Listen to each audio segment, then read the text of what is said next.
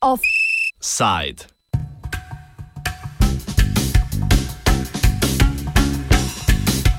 Hrvaška medijska regresija.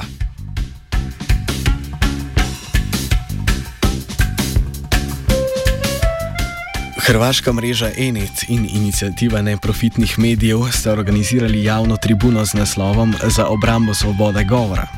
Javna tribuna je odziv na postopanje hrvaškega ministra za kulturo Zlatka Hasanbegoviča, ki je pred dobrim tednom razrešil vse člane strokovne komisije za neprofitne medije, ki je zadolžena za razdeljevanje sredstev neprofitnim medijem.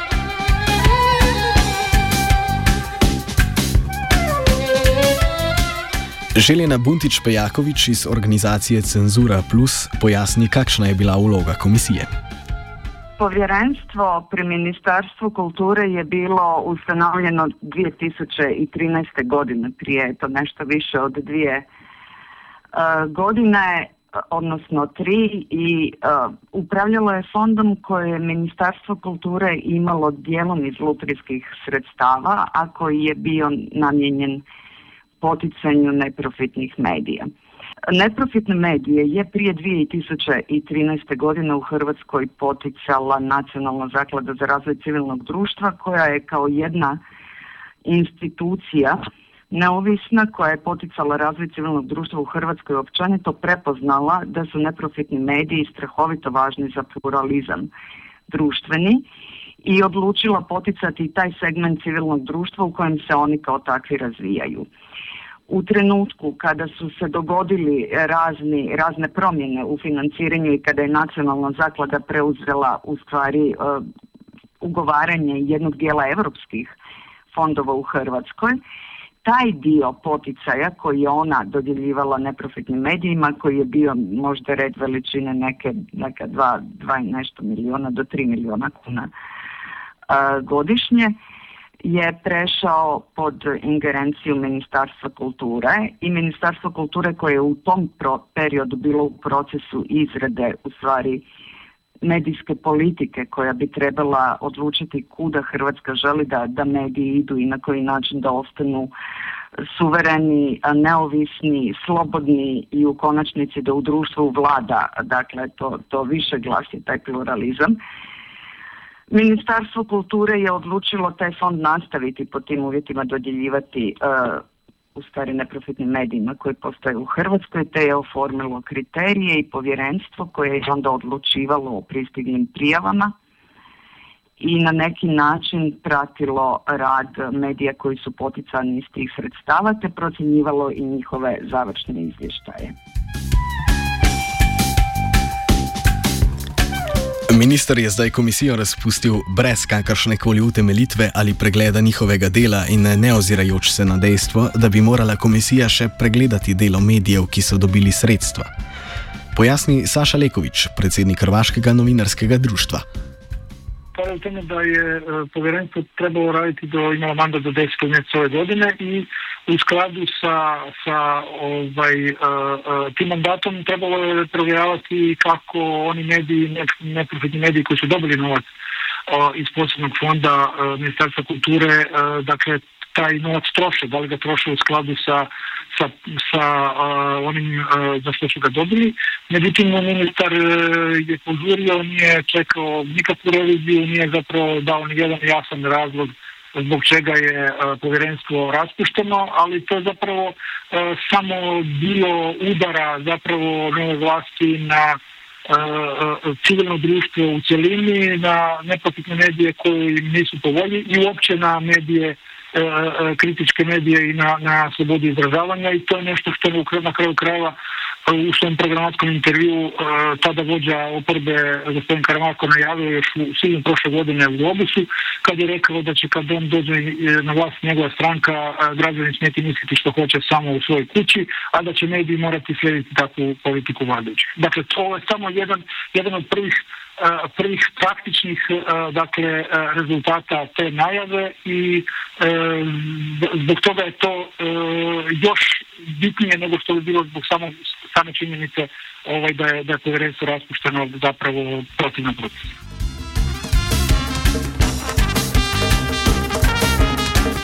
Da gre le za začetek širše ofenzive proti neodvisnim medijem, je dal vedeti tudi ministr Hasan Begovič. Ne le, da je zamenjal člane komisije, napovedal je tudi ukinitev sklada, s katerim upravlja komisija. Ta pa predstavlja ključni vir financiranja mnogim neprofitnim medijem, stališča izdatkov ministrstva pa je zanemarljiv. Nadaljuje Lekovič.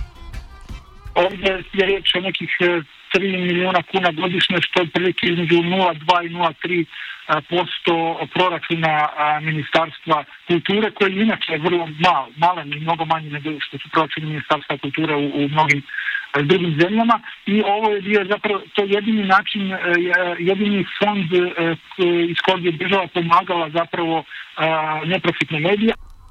Ministr govori, da je, del, da je njegovo postopanje del nove medijske strategije. A kakšna naj bi bila ta strategija, ne ve nihče, kot pojasni Lekovič. Kakva bi to bila nova medijska strategija, to je dakle dvostruka bezostoća, jer prvo ne može biti nova ako nije postojala ni jedna, a drugo nitko ne zna kakva je to medijska strategija, to je ministar samo uh, odgovarajući na neko pitanje novinara nakon, nakon ove raspuštanja povjerenstva za neprofitne medije rekao da on ima uh, novu medijsku strategiju, ali niko nema pojma, ko, ja mislim da ni on nema pojma kakva je to medijska strategija, jer on nikad nije radio ništa u vezi medija, ni kulture, nema pojma o tome. To je jedna stvar, a druga stvar ovoga, on jednostavno nema nikakve medijske strategije.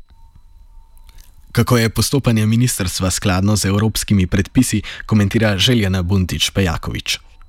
Znate da Evropa od 2008. godine ima rezoluciju Europskog parlamenta o statusu neprofitnih medija, odnosno community medija kao dijela društva kojeg treba poticati da bi se osigurao društveni pluralizam.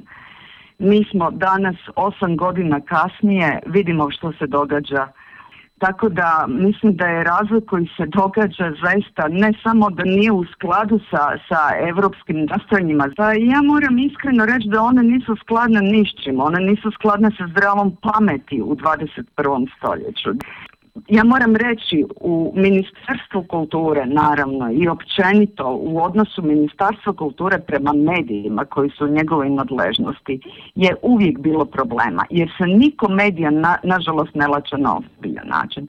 Mi smo taman došli do granice da radimo na medijskoj strategiji. Sada sa ovom regresijom ja apsolutno ne vidim kuda to ide. Ono što mislim je da će sve potpore ikakvom pluralizmu biti sve manje, da će sljedeći na udaru biti vijeće i onaj dio fonda uh, za neprofitne medije u vijeću za elektroničke medije za kojeg smo se tek izborili, dakle među onih 35 milijuna kuna godišnje koje vijeće za elektroničke medije dodjeljuje privatnim televizijama i radijima. Mi smo uspjeli osigurati vrlo mali postotak od 3% tog fonda za neprofitne medije. Ja već vidim da će to biti sljedeće na udaru i da će se u stvari nastojati zaista ukinuti svi ovakvi prostori neke slobode za jednu ovaj potpuno slobodnu, ja bih rekla i utemeljenu uh, kritiku. U prepovedanem položaju je bil Twitter.